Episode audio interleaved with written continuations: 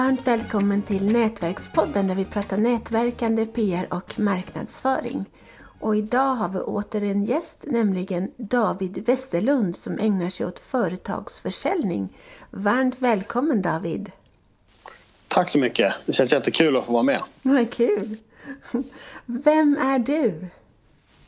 Eh, jag kan berätta lite kort om att jag har jobbat med eh, företagsfrågor egentligen de senaste 15 åren. Försäkringsförmedlare, företagsrådgivare inom pension och driver eget företag nu och håller på med företagsförmedling som det heter, företagsmäklare. Jag bor i Jönköping, jag är uppvuxen i Stockholm från början men har bott här nere nu i tio år ungefär. Mm. Också en kärleksflykting kanske? Ja, precis. Det stämmer bra. Synd om oss. mm. Ja, om, om, om jag, och det, jag är inte ett dugg intresserad, men om jag skulle vilja sälja mitt företag, vad skulle jag kunna göra för att få upp priset ur ett marknadsföringsperspektiv? Det är en jättebra fråga som jag har funderat väldigt mycket på. Och Det finns tre stycken väldigt bra saker man kan göra som kopplar till marknadsföring och nätverkande och PR. Om vi antar att ett företag är ganska fristående från dig själv så att det är redo att säljas som verksamhet så skulle jag säga att det finns eh, tre saker som tydligt påverkar priset på ett mindre företag. den första är att man värderar att företaget har stabila kunder.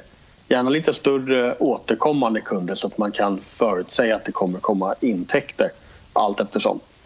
Och genom att marknadsföra och nätverka och bygga upp sitt varumärke så kan man öka förutsättningen att få in fler sådana kunder. Mm. Så har du flera stabila kunder så kan det vara någonting som driver upp värdet på ditt företag. Då.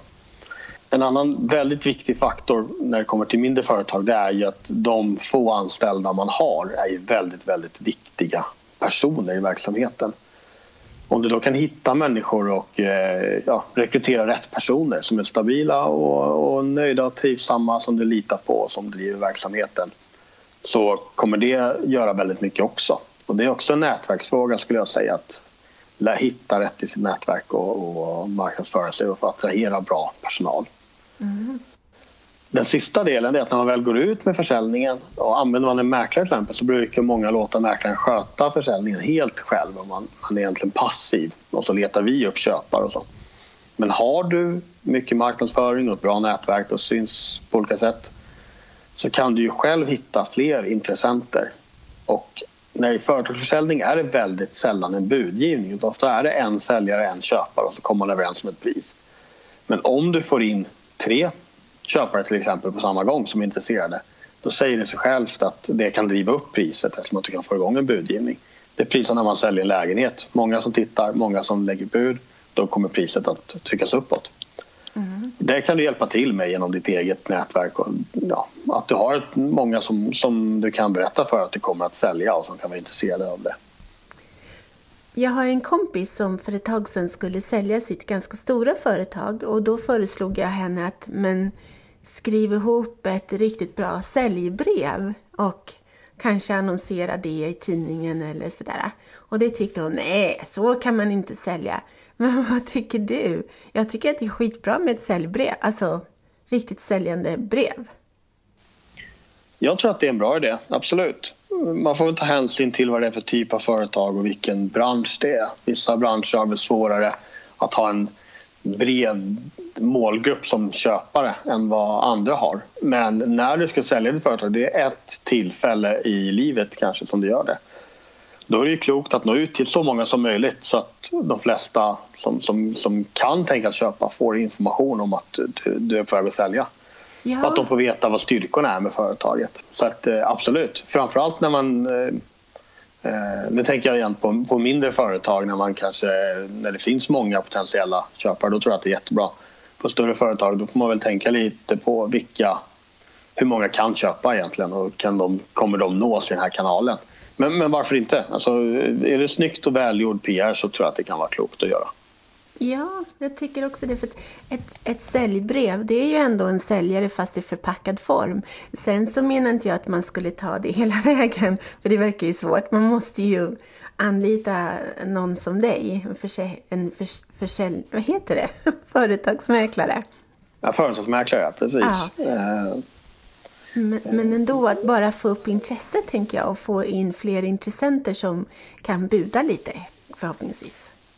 Det, det, tror jag är jätteklokt. Alltså, vi jobbar ju till stor del med att få ut budskapet och få folk att veta att ett företag ska säljas.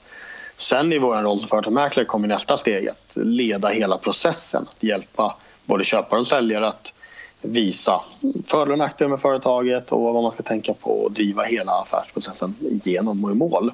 Men om det inte kommer några fram till att vara intresserade eller väldigt få, då blir det svårare. Så att, eh, varför inte? Det skulle jag definitivt göra om jag sålde mitt företag. Då skulle jag se till att det syntes mycket. Hur hittar jag potentiella kunder? Jag skulle säga att man får använda sig av det klassiska uttrycket att äpplet inte faller så långt från trädet. Att, eh, I de allra flesta fall så är det någon som är i samma bransch som dig själv som skulle kunna köpa ditt företag. Det är sällan en städfirma köper upp en, en webbdesigner eller programmeringsfirma. Mm. De kan göra det, men, men det är ganska ovanligt. Så att eh, säg att du till exempel arbetar med, eh, med PR eller för den delen om du är en snickare. Så kan du kontakta företag i samma bransch och se om de är intresserade av att köpa ditt företag för att växa på det sättet. Då. Och det är ju kunderna och personalen som de egentligen köper då kan man säga. Ja. Är det, eh, finns det, förekommer det till exempel att, att, man, att man säljer att man berättar att ett företag är till försäljning via sociala medier? Har du sett något sånt? Jag har sett det. Eh, förvånansvärt lite, tycker jag. Eh, jag har annonserat lite i sociala medier och fått en bra respons på det. Och jag tycker att man borde använda det mycket mer. Tar man Facebook till exempel så är ju de absolut mest aktiva användarna är ju de som är runt 55 till 65 år idag. Och många av dem både säljer och köper företag. Sen finns det andra medier som har andra målgrupper och då kan man annonsera för respektive målgrupp där. Hur kommer det sig att det inte är fler som använder sig av sociala medier då? Jag tror att den processen att sälja företag eh, sker ganska gammaldags idag. Det är väldigt många i, i min roll som mäklare som jobbar ganska traditionellt med att man postar ut prospekt och man har fysiska visningar och alla sådana saker. Då. Um, och det, det, är nog bara gammal vana. Man har inte rört sig fram lika snabbt som andra branscher har. Jag har sett några exempel där man annonserat till exempel på Facebook då, för objekt. Och, så.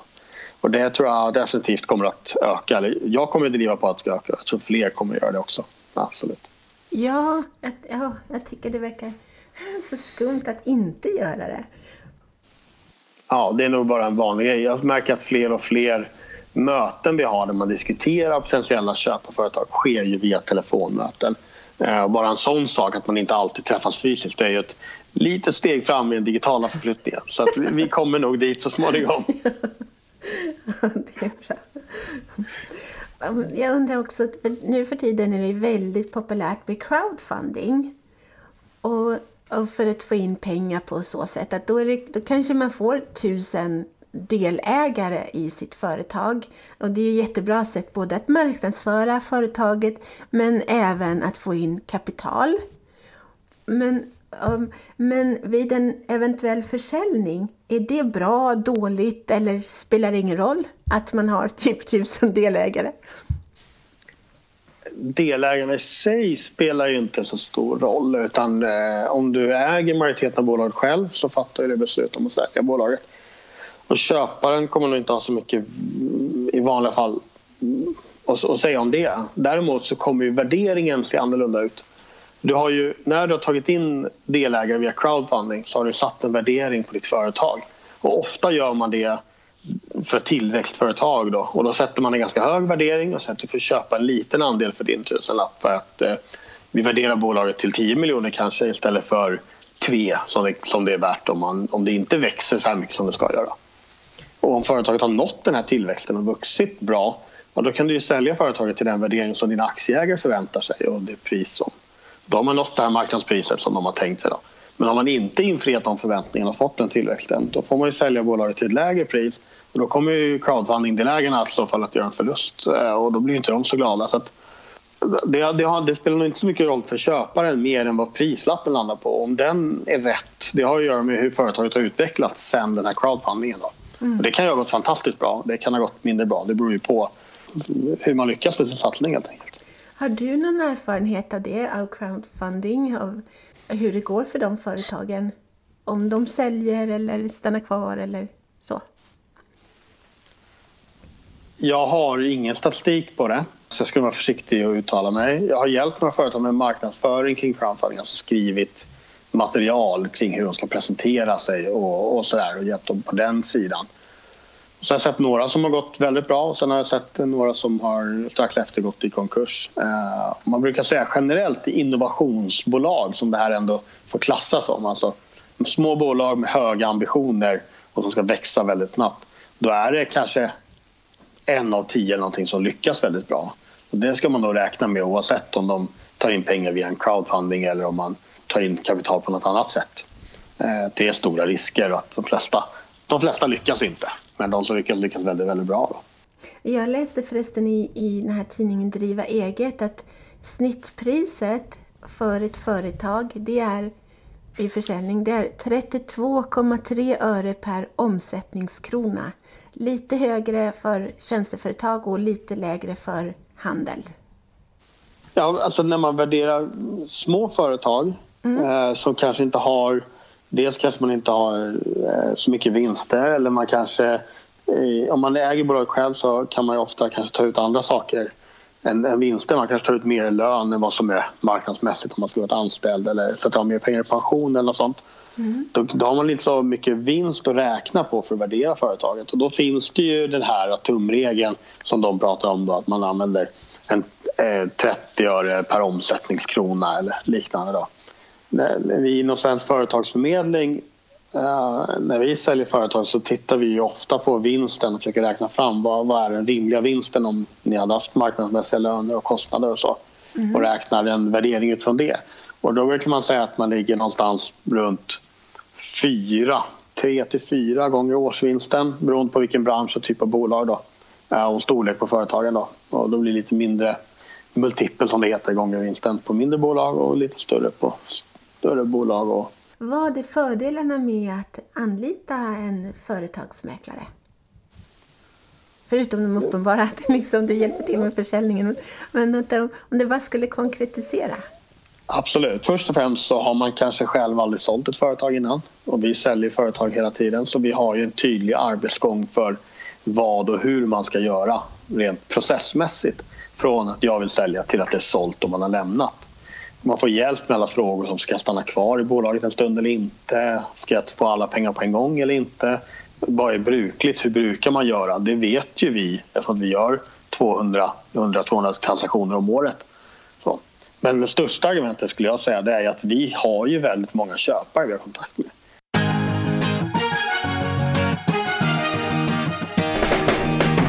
Tack för att du har lyssnat på Nätverkspodden om nätverkande, PR och marknadsföring med Nina Jansdotter och Marie Hagberg.